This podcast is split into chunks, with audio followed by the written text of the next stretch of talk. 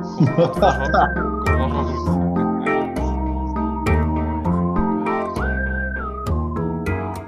Hallo allemaal, welkom bij het Raadspension, de wekelijks terugkerende geschiedenispodcast. We zijn er weer. Heb je een beetje zin in?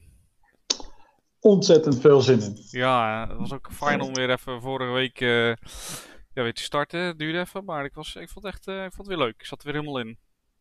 Ja, zeker. Dus eh, ja, die eerste, die is altijd een beetje net als de eerste pannenkoek, hè? Die altijd voor de kinderen.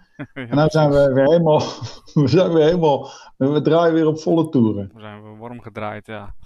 Ja, hey, ik, ehm, voordat we echt beginnen aan het hoofdonderwerp, ik eh, vond het toch wel een beetje bijzonder om te lezen vandaag dat twee, ik dacht 22% van de jongeren tegenwoordig eh, de holocaust of ontkennen of een beetje, hoe zeg je dat, downsizen, alsof het eh, minder erg was eh, dan dat geschetst wordt. Eh, wa- wat vind jij daar nou van?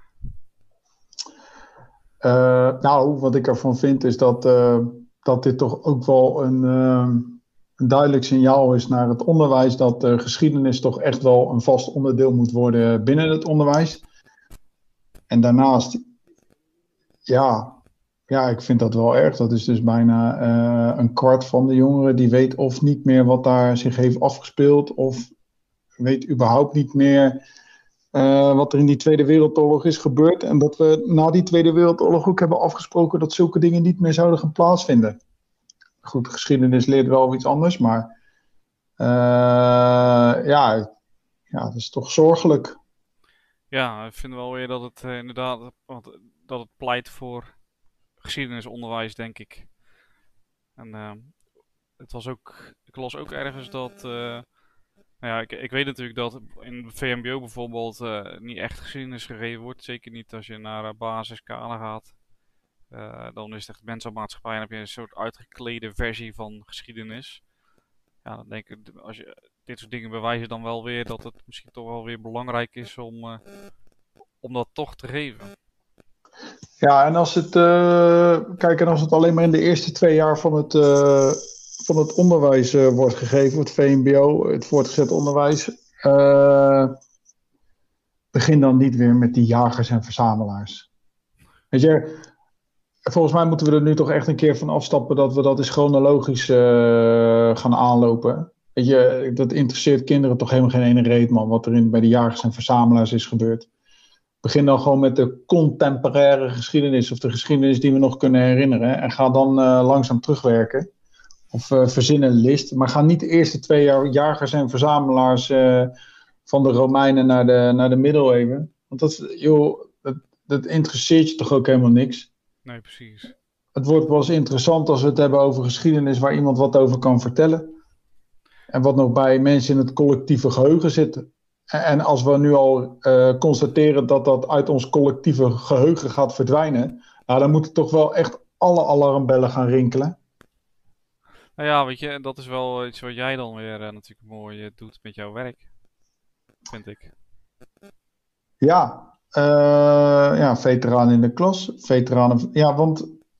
Nou, dat, dat vind ik ook. Kijk, ik wil helemaal niet. Ik ben zeker niet iemand die zegt uh, dat we die Tweede Wereldoorlog. Uh, dat we het daar niet meer over moeten hebben. Integendeel.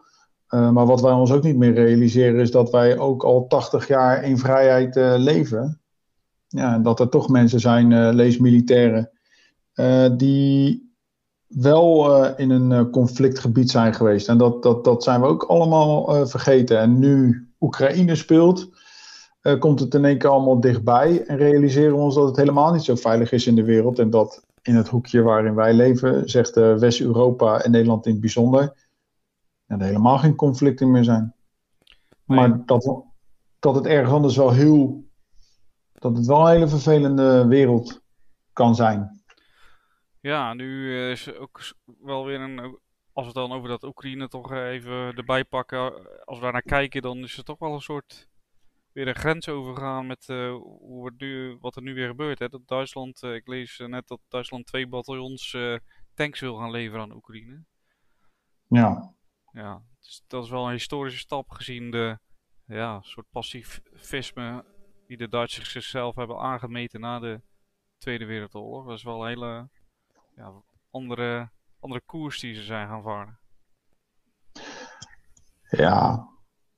Maar ja, ehm, we kunnen ook niet anders, hè, want uh, kijk, we kunnen nu nog steeds wel Duitsland er alleen op uh, wijzen. Maar uh, ik vind dat wij hier als Europa gezamenlijk in moeten optrekken. En nu gebeurt dat ook wel. Ja, het is een Duitse tank. ja, die Duitsland heeft natuurlijk na de Tweede Wereldoorlog inderdaad een soort pacifistische ja, weg is die ingeslagen. Nou ja. Ja, moeten we die reden nog uitleggen waarom? Of ja, nou, de luisteraar dat wel? Ja, dat mag wel lopen. ja, maar dat... nou, ik vind het nu een goede zet. Want we moeten nu tegen de nou ik vind de agressor moeten we nu optreden. En uh, goed, dat vindt in mijn ogen zijn het nog steeds Rusland. Rusland is gewoon een soeverein land uh, binnengevallen. Uh, en ja, daar moet er nu echt wel wat tegen gebeuren.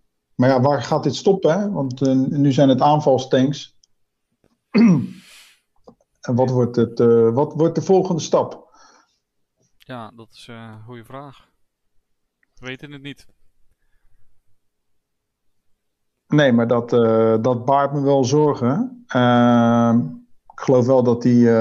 Dat, we praten dan over 88 Leopard 2 tanks. Um, nou ja, goed. Er moeten nog mensen voor worden opgeleid. Ehm, dan moeten die ook nog eens een keer op een dusdanige manier worden opgeleid dat die kunnen opereren in een peloton. Een peloton bestaat uit vier tanks.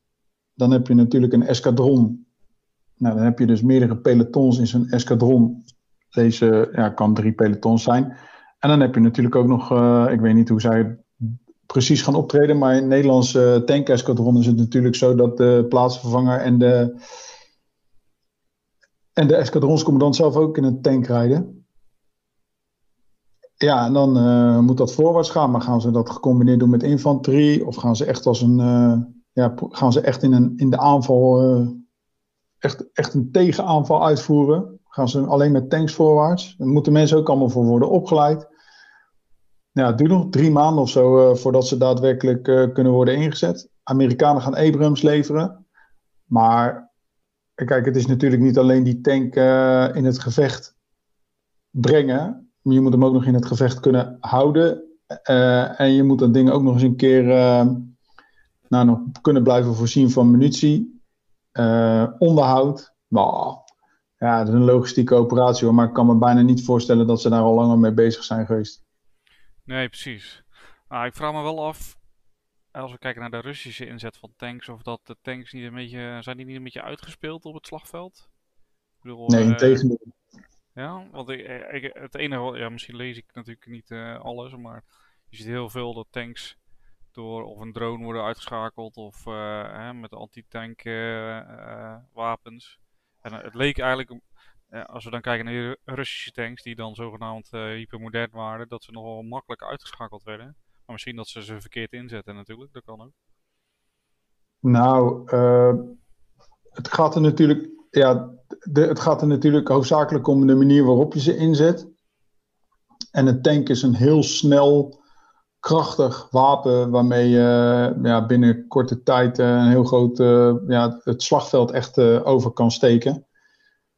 Om een korte, korte stoot uit, uit te brengen. En ja, wat ik van de Russen heb gezien, dan zie je een individuele tank langzaam bewegend in een hinderlaag gelokt worden. Ja, en dan is die makkelijk uit te schakelen door een, ja, door een infanterist met een met een, met een, met een anti-tankwapen. dus ja, natuurlijk heeft een tank zijn kwetsbaarheden. Uh, maar als jij weet wat die kwetsbaarheden van die tank zijn en je kan dat goed gebruiken, ja, je, kan, je kan, weet daarmee om te gaan, ja, dan, uh, dan is die levensgevaarlijk. Ja. En, en want ik zag ook die, die, die Russische super slagschip, of ja, het is geen slagschip meer tegenwoordig natuurlijk, maar uh, dat, uh, dat hypermoderne schip is ook uitgeschakeld door middel van drones uh, volgens mij. Is dat, ja. Dat, het, het, klinkt een beetje alsof drones een beetje een soort van de, het nieuwe sneaky wapen zijn om super dure dingen uit te schakelen met zo min mogelijk moeite eigenlijk. Ja. Ja, het is wel grappig, want uh, ja, dat, kijk, op dat slagveld ontwikkelen zich uh, dingen. En zo'n drone is relatief goed, uh, goedkoop. Maar wat je dus ziet is dat zo'n de relatief goedkope drones worden ingezet om in een, ja, in, in waar die oorlog niet zo in beweging is, hè, dus tussen twee loopgraven, om dan inderdaad, zeg maar, stilstaande doelen of traag bewegende doelen uit te kunnen schakelen wil jij doelen gaan uitschakelen die een hogere bewegingssnelheid hebben, lees een tank, ja, dan zou je toch wel over wat geavanceerde drones moeten beschikken.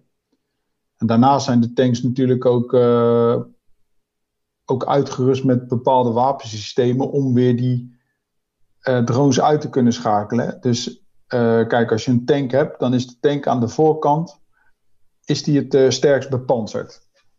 Vroeger was die tank is aan de achterkant en aan de bovenkant het minst sterk uh, bepanserd. Ja, tegenwoordig heb je ook reactief panzer. Ja, en ik kan me bijna niet voorstellen dat nu ook die, die tanks die nu die kant op gaan, een bepaald mechanisme hebben om tegen drones te kunnen, te kunnen, kunnen verdedigen. Ja. ja, ik ben benieuwd, ja het is wel, uh, het is niet echt fraai om dit soort tactieken te ontwikkelen, maar het is wel, als je het nou, van de zijkant bekijkt, wel interessant natuurlijk. Ja, kijk, en die, die wapenwetloop, die gaat natuurlijk nu best wel, ja, dat gaat natuurlijk nu best wel snel, want nou goed, die Leopard 2, dat is gewoon een uitermate geschikte gevechtstank. alleen het is de enige gevechtstank die nog geen operationele inzet heeft gehad. Dus de fabriek, de Kraus, uh, Kraus Maffei fabrieken, ja, die, ja, die vinden dit natuurlijk wel interessant. Want die gaan het natuurlijk op de voet volgen. Want dit is een grootschalig conflict. Daar is die tank ooit een keer voor ontworpen.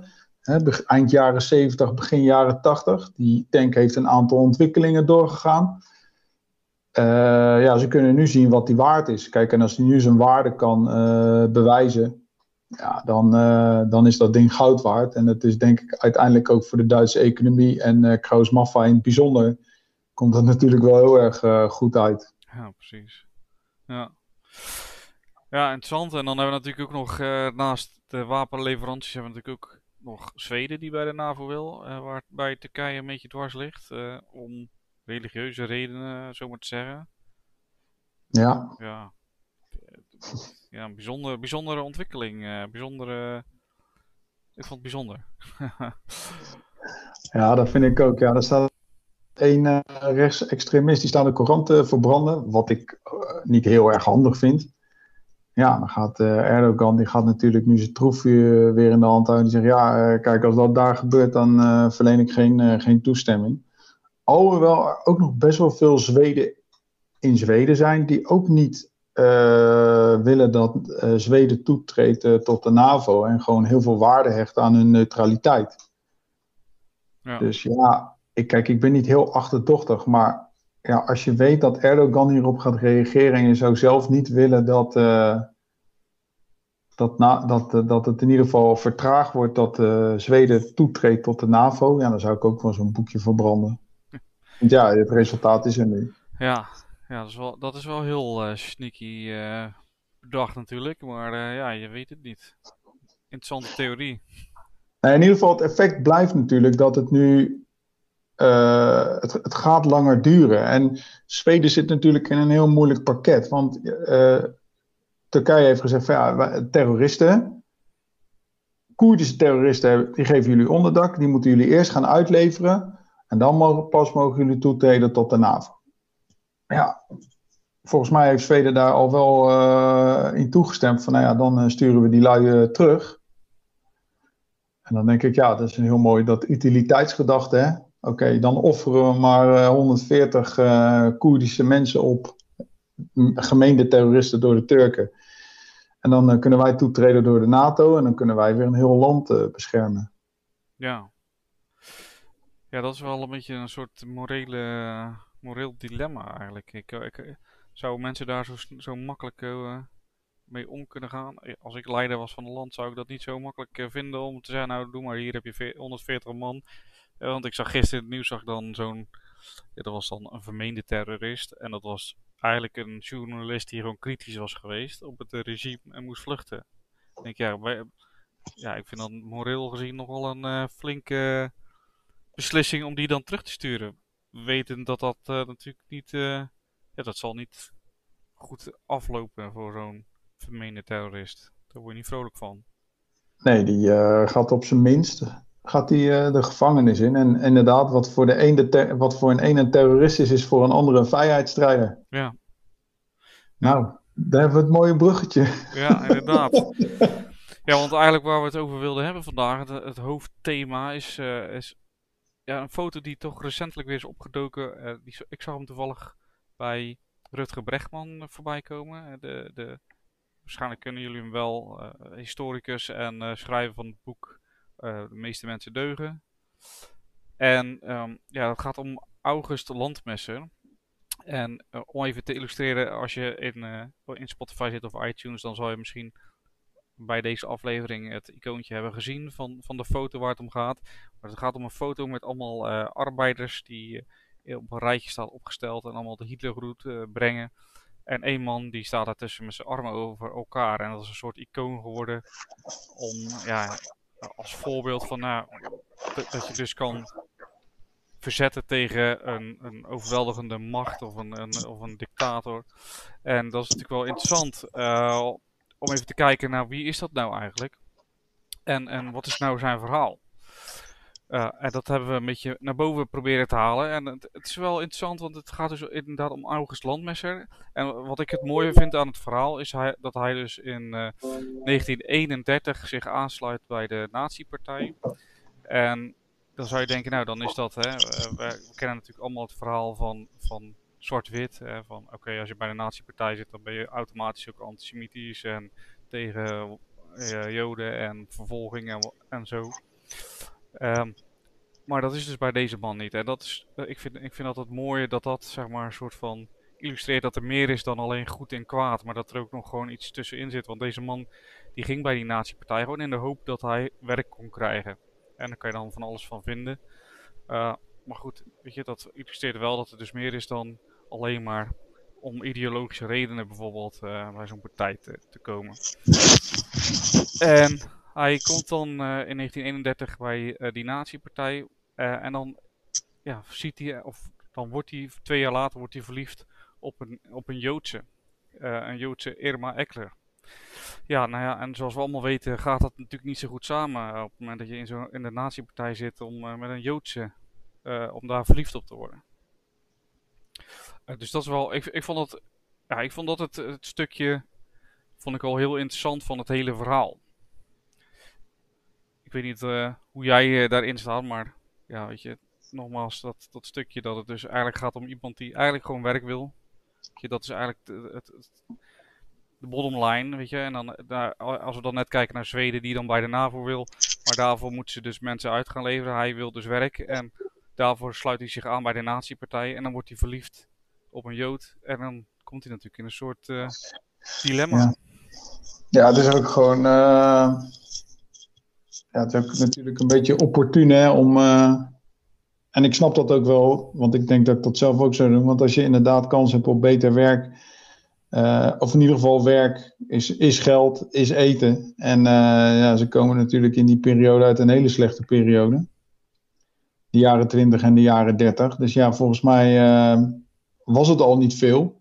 Dus ja, als je dan je kansen vergroot door even lid te worden van een, van een partij die het beste voor heeft met de mensen en, en afscheid wil nemen van die Weimar-republiek en van al die slechte dingen, ja, waarom niet?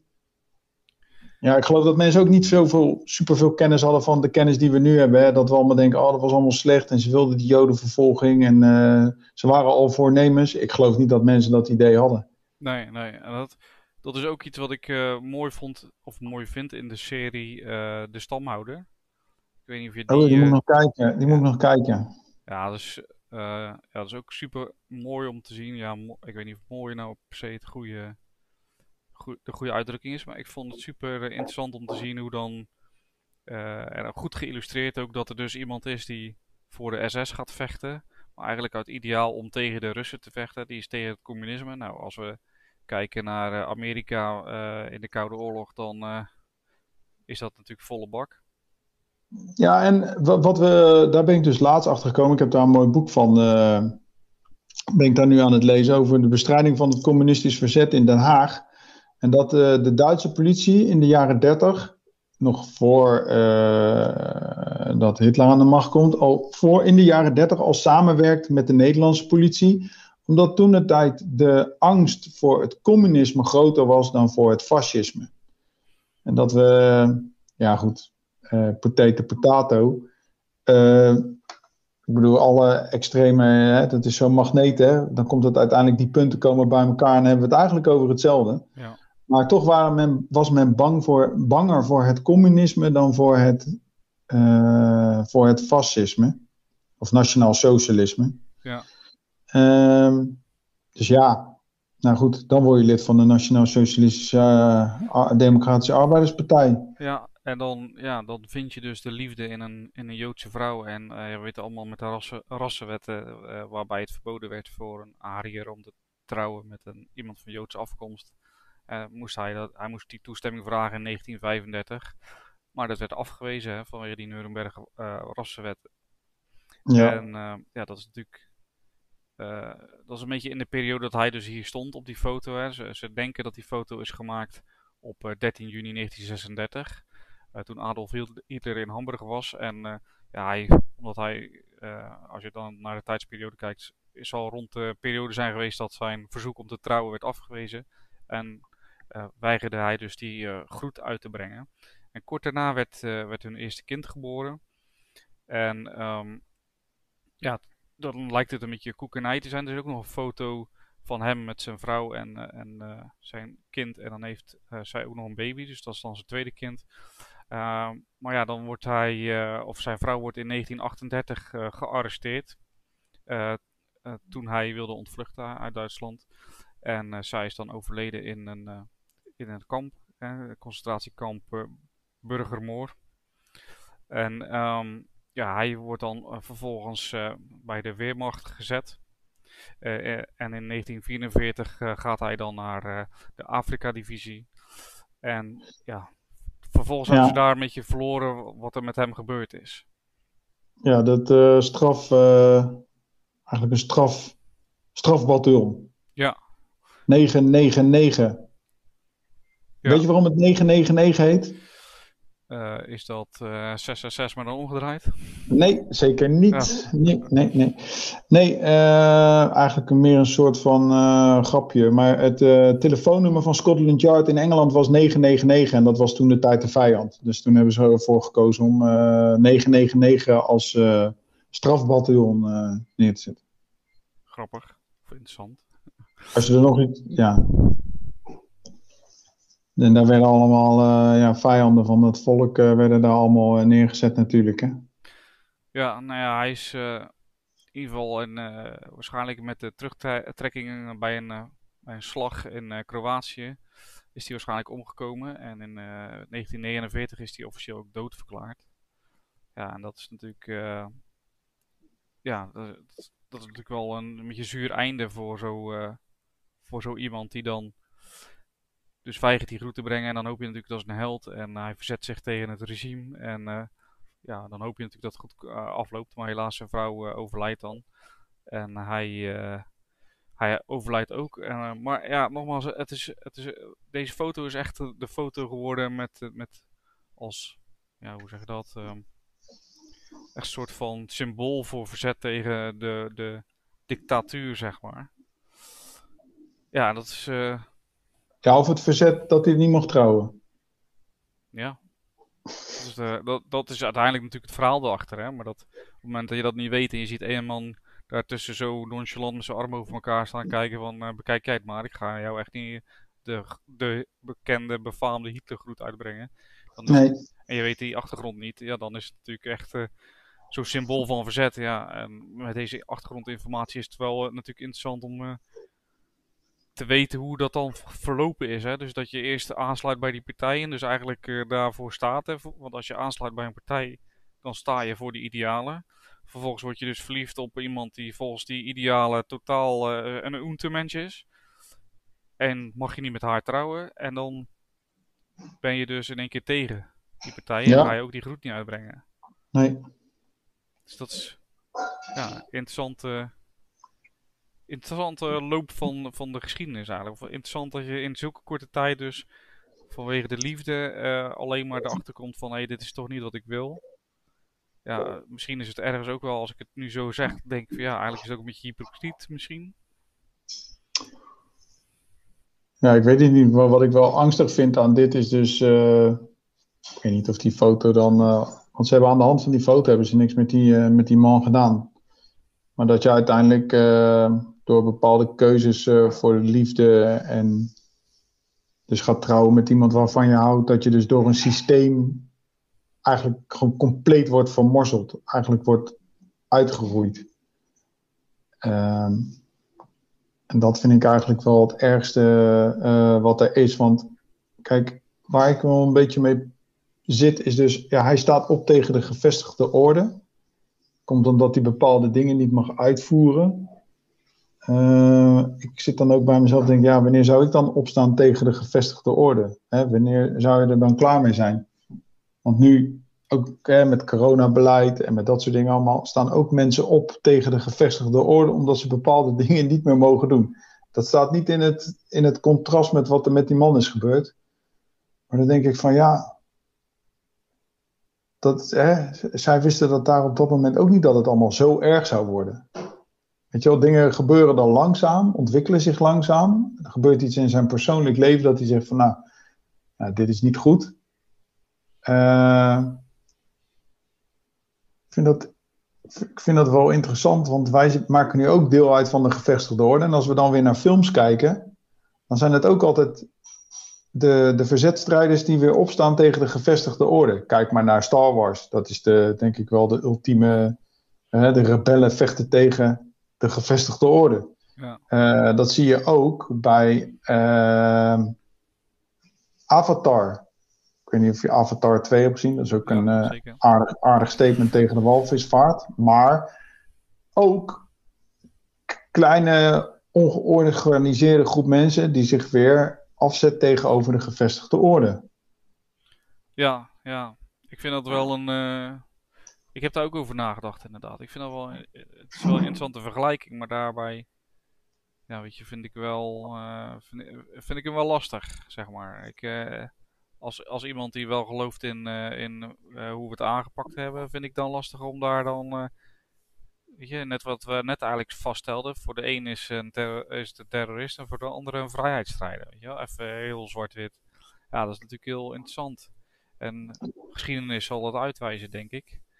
Uh, maar ik heb wel meer vertrouwen in onze huidige democratie dan uh, in, de, in, in het uh, na, na, nationaal-socialistische regime van toen de tijd, als ik heel eerlijk ben. Um, dus ik ga er uh, op dit moment even wel uh, nog vanuit dat we gewoon in een, uh, in een, in een, ja, in een, in een democratie, in een land leven waarbij dus mensen niet verplicht ingelijfd worden in een 999 bataljon nee. of divisie en de dood in wordt gestuurd. Nou ja, goed, dan, dan is het ook inderdaad wel mooi om eens eh, mee te, daarover te hebben van, nou ja, voorlopig hebben we hier ook nog een scheiding der machten. Uh, en wordt, wordt jouw persoonlijke levensweer, integriteit uh, in een grondwet ook beschermd tegenover de staat. Ja, ja. En zolang dat er is,